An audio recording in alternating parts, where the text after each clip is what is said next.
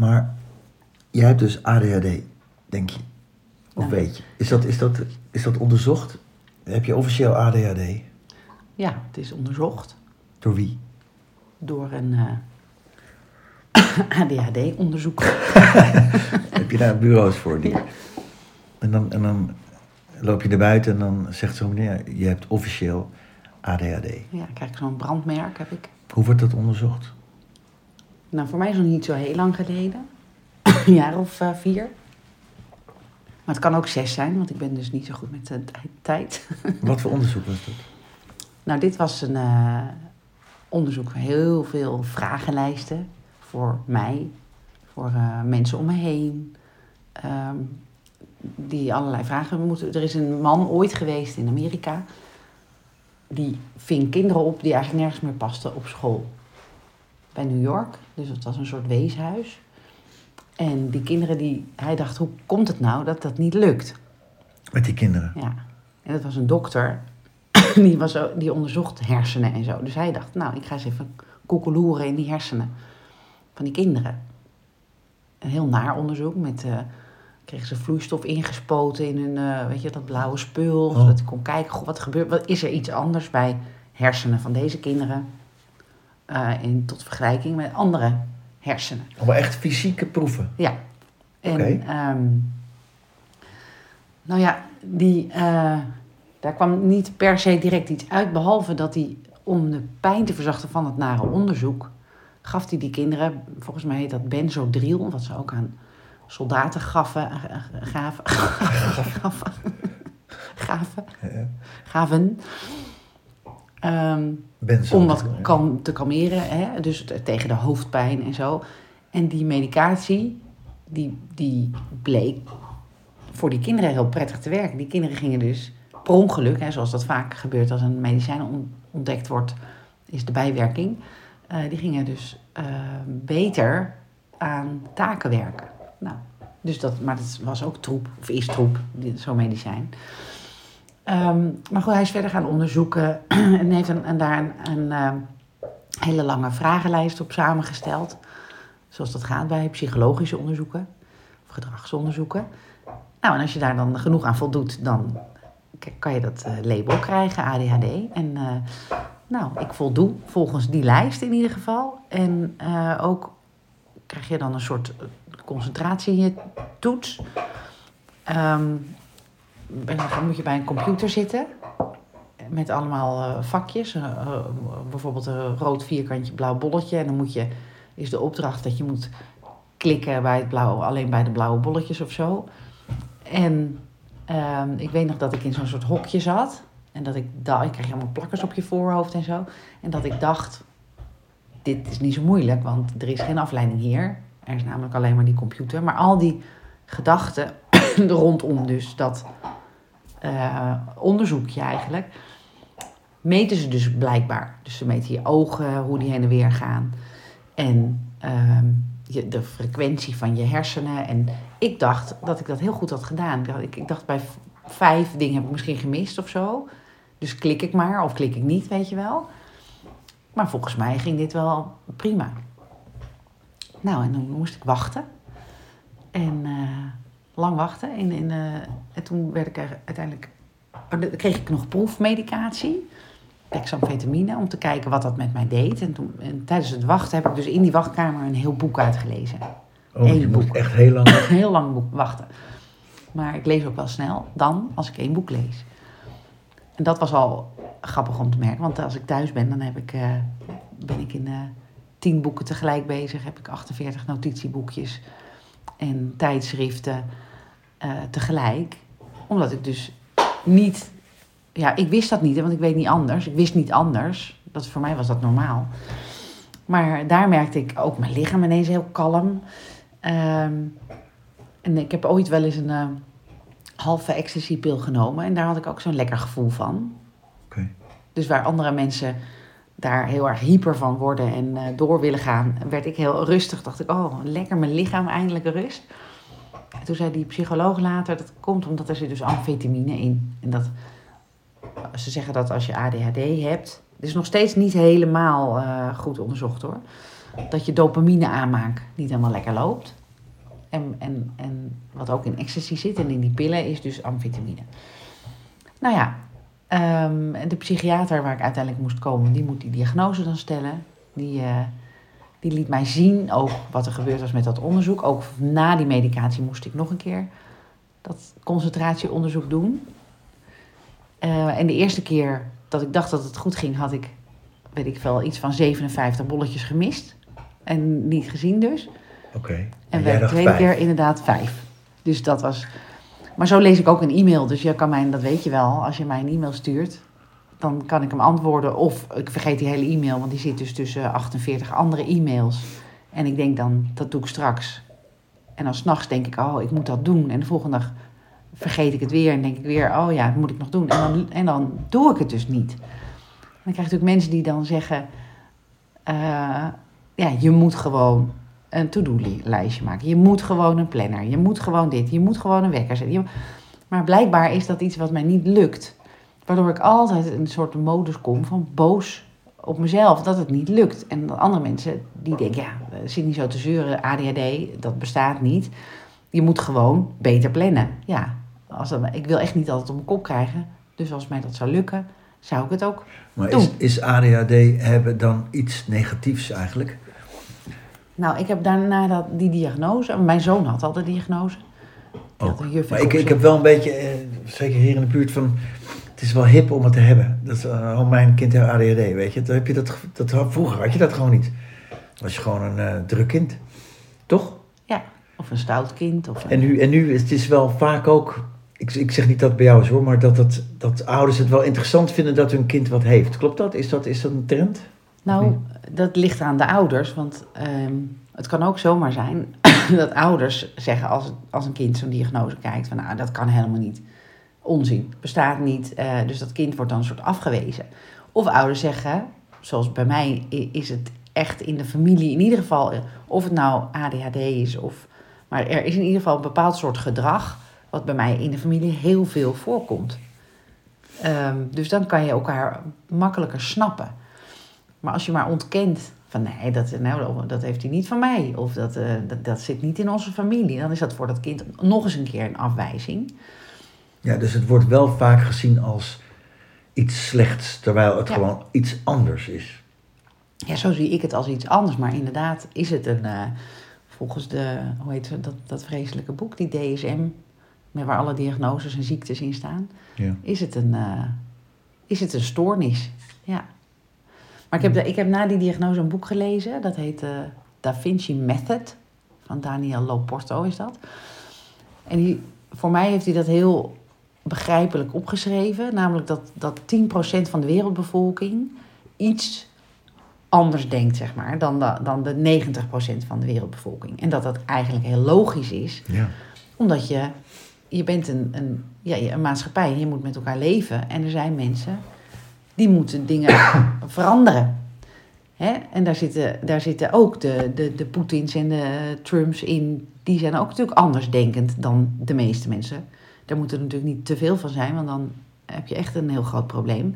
Ja. Maar andersdenkenden zijn ook mensen met een diagnose of geen diagnose. eh, noem het ADHD, ADD, autisme, eh, eh, allerlei dingen in zo'n spectrum.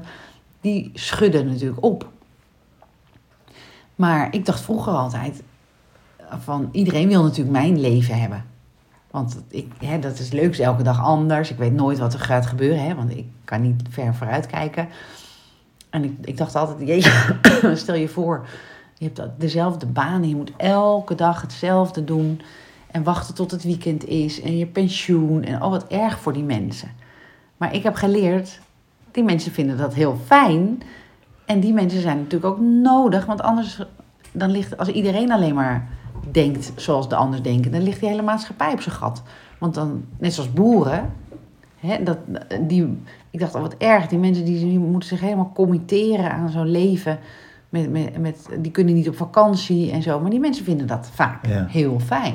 Maar waren er vroeger dan veel mensen die jou wilden zijn? Dat, dat, dat voelde je? Of dacht je dat dat zo was? Maar niet mij als persoon, maar Nee, maar jou, Zo'n jou, jou, ehm, afwisselend leven. wilde hebben.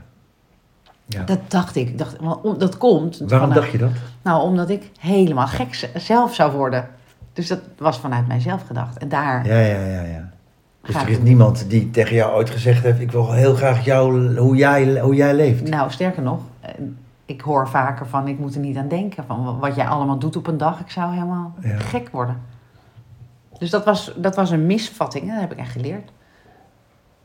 Dat was mijn ego van, oh, ik, ik heb zo'n leuk leven. Grappig. En hoe is dat bij kinderen? En Dat ligt natuurlijk ook heel erg weer, hè, daar hebben we het daar vaker over, hè, want ik wil zo graag over kinderen praten. En, En ik niet. en dat, Dus ik denk, nou, ik help je een beetje. Ja, maar dat gaat dus over die impact van die grote mensen, zeg maar. Als je als... Mijn zoon in groep 7 ehm, ehm, had een juf die zei... ik zou het fijn vinden als hij onderzocht wordt. Nou, dat heb ik braaf gedaan. En inderdaad, eh, net zoals bij mijzelf... Ik, ik hoor altijd ADHD. Nou, prima, maar ik had er geen last van. En eh, pas als andere mensen last van jouw gedrag krijgen... wordt het een probleem natuurlijk. Want in groep 8 kwam hij weer bij een meester terecht en die zei: Nee hoor, ik heb hem, voor mij hoeft hij geen pillen te slikken. Ik heb absoluut geen last van hem. En ging het dus meteen beter met hem. Ook eh, zelfs ook op school met zijn, ook zijn resultaten, omdat hij gewoon lekkerder in zijn vel zat. Want de meester die hij toen had, die zag hem. En die vond hem lief en, en grappig en die ergerde zich niet aan hem. Het gaat dus pas mis als je, als je wat voor een stempel dan ook hebt, als mensen zich aan jou gaan ergeren. maar moet je, moet je je dan, eh, als je eh, ADHD hebt, eh, moet je dan anders behandeld worden? Door de omgeving? Nou, wat ik een hele geruststellende uitspraak van de psychiater van mijn zoon vond.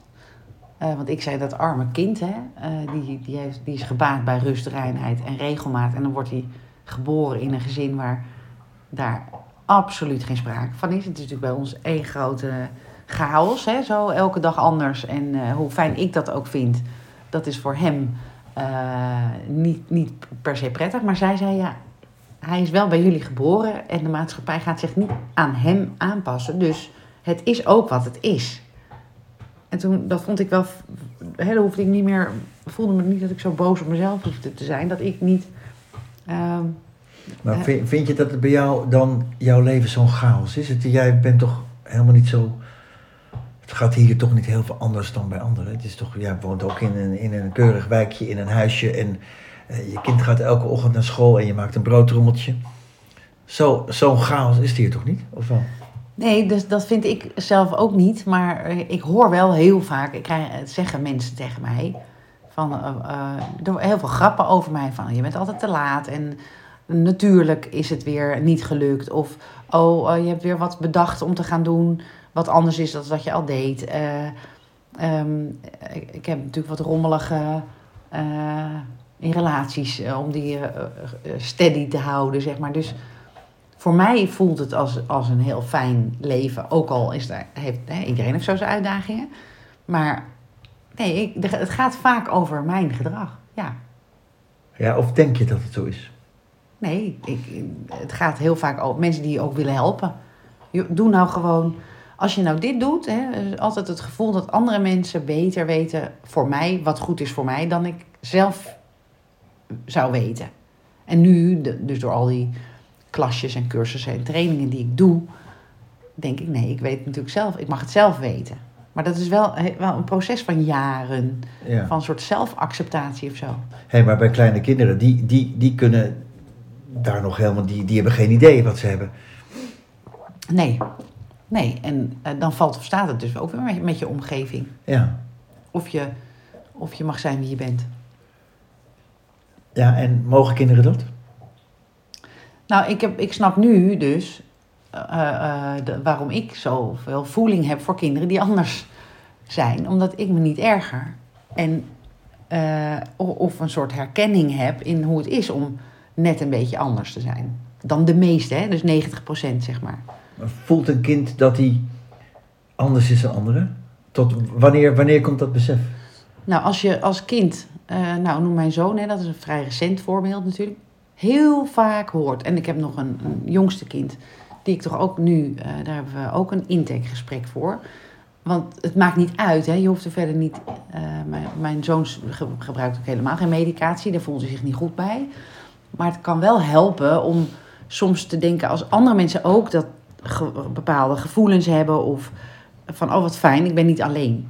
Dat helpt het is het voor mij ook. Ik vind het fijn dat ik, als ik teruglees, ik volg ook nu heel veel dingen over ADHD en ook bij andere mensen, denk oh gelukkig, weet je, er zijn andere mensen die ook eh, beginnen met eh, de vaatwasser uitruimen en eindigen met, een, met, met de schuur leeghalen. Hè? Dat, is, dat, is niet, dat is niet, ik ben niet zo speciaal als, als Nee, dat zijn heel veel mensen, toch?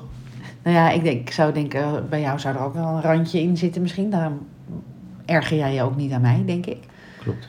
Ja, en jij hebt ook veel ideeën en energie. En eh, dat, denk, dat is denk ik ook wat ons heel erg eh, verbindt.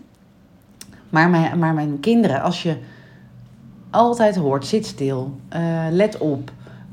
heb je dit wel gedaan? Of, of hè, misschien dingen snel omstoten. Of als je altijd maar een soort afkeuring krijgt. Van, oh, heb je haar weer? Hè, oh, zij is altijd zo onhandig. Of eh, dan ga je dus geloven, dan krijg je dus overtuiging dat je dus blijkbaar niet goed genoeg bent. Ja. Even klein, zouden honden ook ADHD kunnen hebben? Want volgens mij heeft jouw hond dat nu ook. Ja, dat klopt. Honden zijn spiegels natuurlijk. Hebben, kun- kunnen dieren ADHD hebben? Nou, ik geloof wel heel erg dat een dier die bij je leeft, je, je past je aan, aan aan het gezin natuurlijk. Dus die hond. Ik heb speciaal gekozen. Ik had hiervoor een eh flat-coated retriever. Die zijn wat nerveuzer, ADHD-eriger. En ik dacht met al die kinderen in huis, een golden retriever die is wat kalmer. Maar hij doet wat wij doen. Dus het is een, voor een golden retriever. Maar geldt het ook voor je kinderen? Dat het dus, is het erfelijk of, of, of leer je het aan? Wo- Word je zo als je in een ADD-omgeving opgegroeid? Ja, dat is dus, dus heel moeilijk te zeggen. Daar, volgens mij is daar nog steeds niet helemaal duidelijkheid over. Maar het is wel zo dat bijvoorbeeld in ehm, andere landen, in Zwitserland bijvoorbeeld, wordt de diagnose veel minder gesteld. Eh, omdat daar in dat land, ja, er is niet zoveel aan de hand. Hè? Dat is natuurlijk tot nu toe in ieder geval, of tot nu eh, Oekraïne maar een, neutraal land geweest. Financieel is het daar op orde. Er is daar een soort kanten waardoor mensen niet aan hoeven. Want ze, er is ook een theorie over dat je in aanleg het zou kunnen hebben, dat ADHD. Maar als je verder geen trauma's opdoet, dat het niet aangaat. Maar bijvoorbeeld in Noord-Amerika, waar veel al aan de hand is altijd, wordt de diagnose veel vaker gesteld. Maar ik heb ook een, een schokkend boek gelezen hoor, of, of met resultaten, de ADHD-golf. Over de excessen in Amerika. Dat daar zelfs scholen zijn dat die zeggen tegen ouders: je kind komt hier niet in als hij niet aan de medicatie zit. Dus, het is, dus voor leraren, hè, waar ik natuurlijk al sowieso wat van vind, van eh, hoe, hoe sta je voor de klas en ga je blij naar huis? Of start je de dag blij? Als je, eh, dat, dat boek heeft echt waar, ik, ik vond het schokkend, maar dan is het voor leraren gewoon alsof je die kinderen moet drogeren. En dan krijg je dus dat er veel te veel diagnose ADHD wordt gesteld, om- omdat de leraar het makkelijk vindt dat die kinderen wat kalmer worden. Want het is natuurlijk gewoon drugs. Ja. Hè, mijn zoon heeft het eh, gebruikt ehm, en zijn schoolresultaten gingen omhoog, want hij ging opeens aan één stuk door leren. Maar hij was doodongelukkig daarvan. Nou, dan. Wat, wat kies je dan? Nou, het kan mij niet schelen of hij het VWO doet of niet. Dus uiteindelijk is die, eh, heeft hij eh, zijn, MAVO-diploma gehaald door fantastische mentoren op een hele fijne school. Die hem begeleid hebben. En nu ehm, zit hij in Thailand op een eh kung fu academie. Waar hij dus een focus heeft omdat hij dat heel leuk vindt. Ja. En dan kan hij dus prima leren. Oké. Mooi. Maar er is dus, dus, dus ADHD kan, je, kan zich ook ontwikkelen. Het kan allerlei kanten op gaan. Toch? Dat, dat denk ik, geloof die theorie. Ik, ik kan me wel voorstellen dat dat zo is, ja. Maar kan je bij een kleinkind al zien van die is anders, die, die eh, vertoont ADHD-verschijnselen? Symptomen? Nou ja, bij mij is het dat ik herken bij mijn kinderen van, oh ja, de jongste nu dus, dat ik denk, oh ja, maar ik herken mijzelf, zie ik. Ja, en als je altijd dat hoort, hè, dan is het, dat is net, of, of, of al van die praktische dingen met, met eh, WhatsApp. Dat ik dan niet terug app. Dat is niet omdat ik niet terug wil appen, maar dat is omdat ik dan dat zie staan en denk, ehm, dat doe ik straks. Maar, en dan vergeet ik het, of ik zie het pas veel later. En als je mensen zelf nog heel erg altijd denken dat het over hen gaat, dan vinden ze dat heel vervelend van mij. Van zij, eh, of ze neemt nooit op, of ze hè, is onbereikbaar en eh, ik ben zeker niet belangrijk genoeg. Dat is het echt niet. Maar dat, en daar, dat is heel vervelend als, je, als dingen niet bewust zo gaan en andere mensen hebben daar last van of een orde op. Nu leer ik van nou, dan, dan, dan moet je dus ook niet met mij omgaan. Dat begrijp ik ook, dat, dat mensen het vervelend vinden. Maar het is, ja, dus uiteindelijk blijf ik over met de mensen die mij lief vinden, ook al heb ik niet terug. Oké, maar eh, over de kinderen dan. Hè? Weten kinderen zelf dat ze, dat ze anders zijn? Ja, als, als grote mensen steeds maar jou, tegen jou zeggen wat je niet goed doet. Dan denk je dus, eh, zoals mijn zoon, die denkt, nou weet je, het maakt niet uit, want ik krijg toch wel op mijn kop. Omdat hij niet bijvoorbeeld concessies kan doen in onrecht of ehm, jeetje, ik heb zoveel op school gezeten voor hem. Omdat als een leraar bijvoorbeeld iets heeft afgesproken met hem, van je zit in dat groepje en het wordt dan ineens anders. Uh, en, en dat vindt hij wel heel lastig. Hè? Als, uh, als dingen veranderen bijvoorbeeld. Uh, hè, zo uit het zich bij iedereen anders. Bij mijn zoon is het zo, die vindt het al vervelend als er een tafeltje ineens anders staat. Hè, dan moet hij wennen. Um, en als hij dan met zo'n leraar in, in discussie gaat, dan komt hij natuurlijk heel erg brutaal over. Hij is ook groot, zware stem. En, en hij zegt, we hebben dat afgesproken, dus ik wil graag in dit groepje blijven. En dan vindt een docent hè, in een machtspositie, ja, maar ik beslis nu dat je nu een ander... Nou, dan krijg je hele vervelende situaties van. Okay. Met een soort recalcitrant gedrag ook. Weet je wel, dat je denkt, nou laat maar, want, want ik, ik ja... Ja, oké. Extreem gevoel voor rechtvaardigheid is het ook. Maar goed, maar bij de kleintjes zie je dat dan niet. Hoe ga je daar dan als, als ouder, begeleider, mentor mee om? Met, als, je dat, als je dat soort symptomen ziet?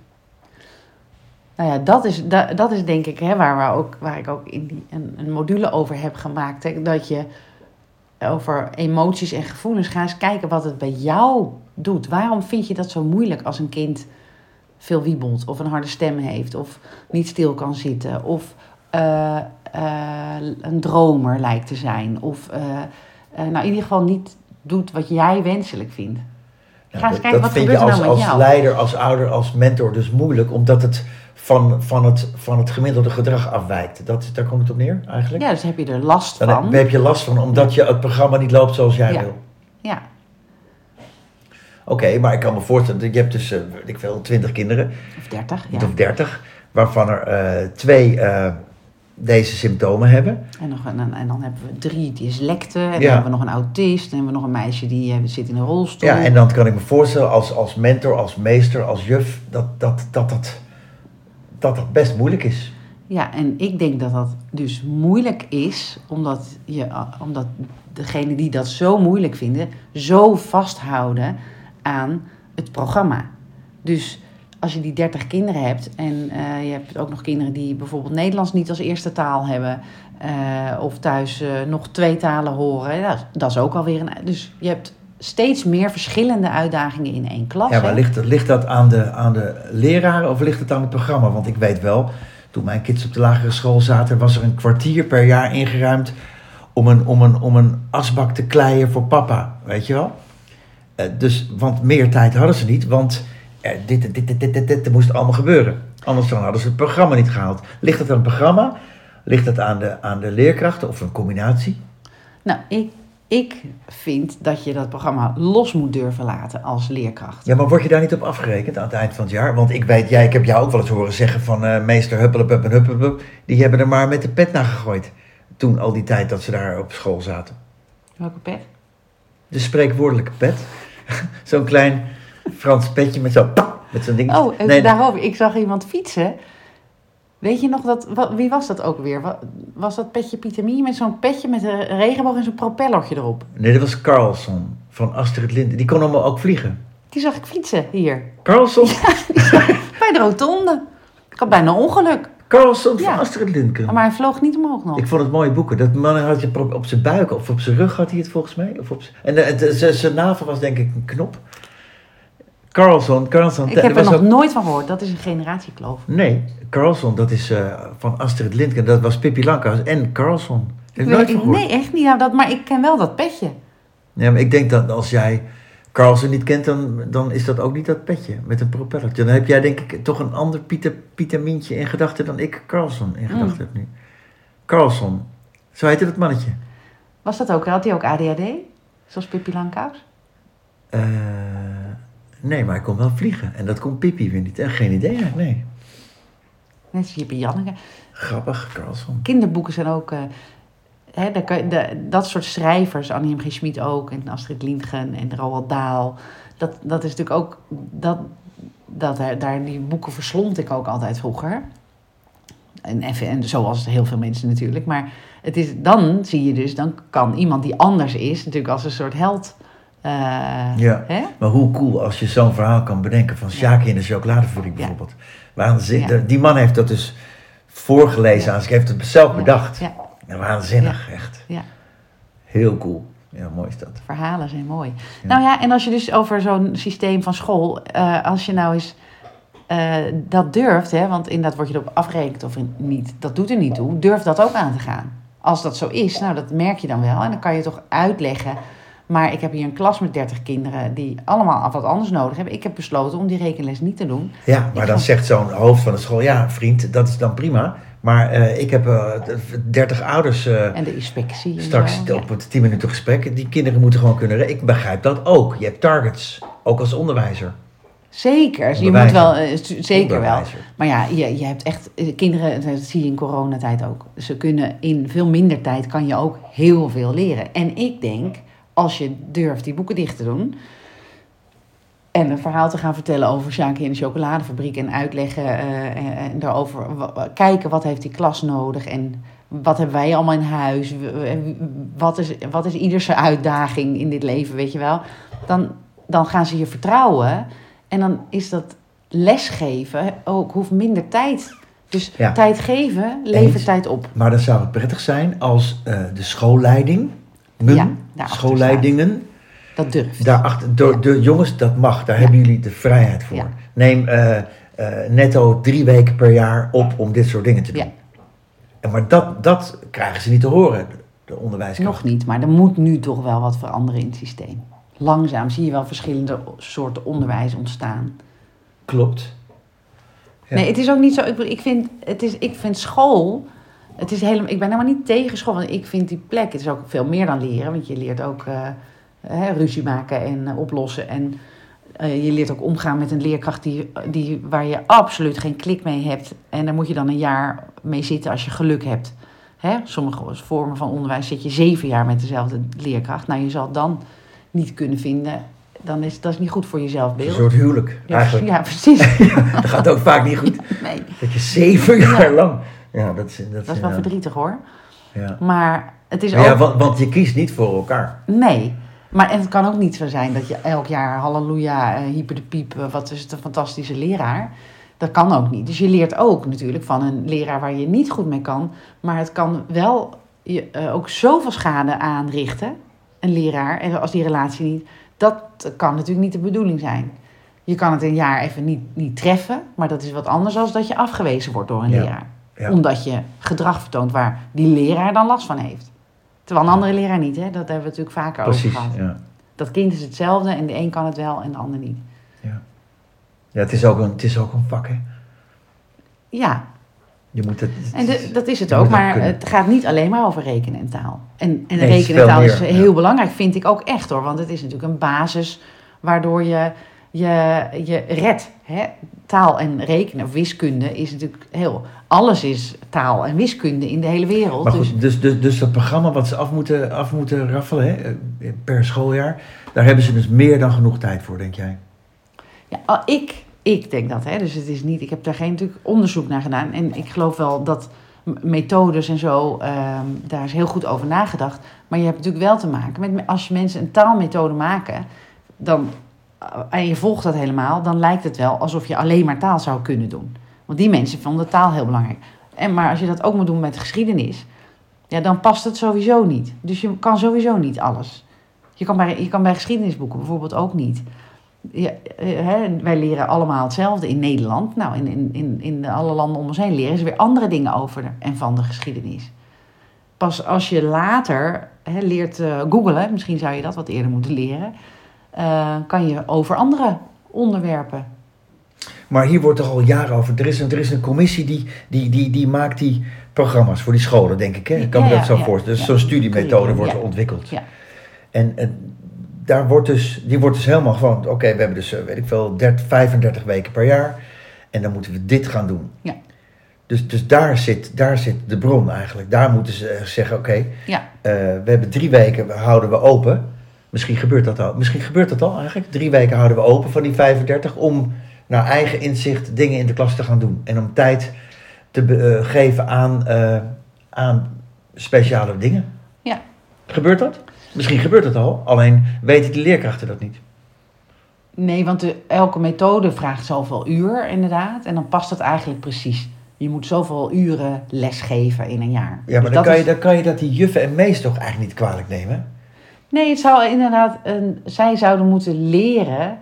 eh, ik denk dat je als je hen kan bereiken... Want zij doen het uiteindelijk. Als zij zouden durven met elkaar eh, wat los te laten. Maar wat je zegt, het zou wel heel fijn zijn... als de schoolleidingen dat eerst durven. Ja, en bij de, bij de, bij de methodeontwerpers, die, daar, daar Ja. waar die, die moeten dat eigenlijk weten. Ja, Dus je moet een oproep doen aan de studiemethodeontwerpers. Ja, en dat daar meer ruimte in gedeeld moet worden voor, eh, voor eh, relaties bouwen met kinderen. Want dan, dan, want dan is die les veel sneller klaar. Want dan, dan letten ze beter op, dan, dan zijn ze open. Daarom hebben wij het best wel druk. Omdat je eh, kinderen die je echte aandacht geeft, die leren makkelijk. Op zijn eigen niveau. Hè? Dat betekent dus niet... de, oh, dat gaat even niet over het niveau, maar het gaat over dat je jezelf elke dag kunt verbeteren. Op, dat is zo, hè? Als je elke dag eh, kan je steeds een beetje verder rennen als je dat gaat oefenen. Nou, is met leren net zo. Op welk niveau je ook bent, je kunt altijd elke dag ergens beter in worden. Als je het, nog, als je het oefent. Ja, maar dan moet je dus wel de ruimte voor krijgen. Ja, en als je meer ruimte hebt om te oefenen, hè, leraren ook, om te verbinden met kinderen, dan is het leren uit die boeken heeft gewoon minder tijd nodig. Dat, dat is, dat is, ik heb dat niet onderzocht hoor, maar dat is mijn overtuiging. Ik geloof daarin. Hm. Mooi. Dan moeten wij wel wat anders gaan bedenken, want dan hebben wij steeds minder kinderen als ze het op school allemaal gaan doen. Ja, eens. Maar het zou wel Dat zou, moeten. ja, het zou wel moeten. Dat is dus op zich voor ons ook een mooi doel. Kunnen we Ja. toch dat pannenkoekenhuis doen? Mooi. Want daar hebben ze dan ook tijd voor. Leuk. Oké, een businessplan maken? 看不住。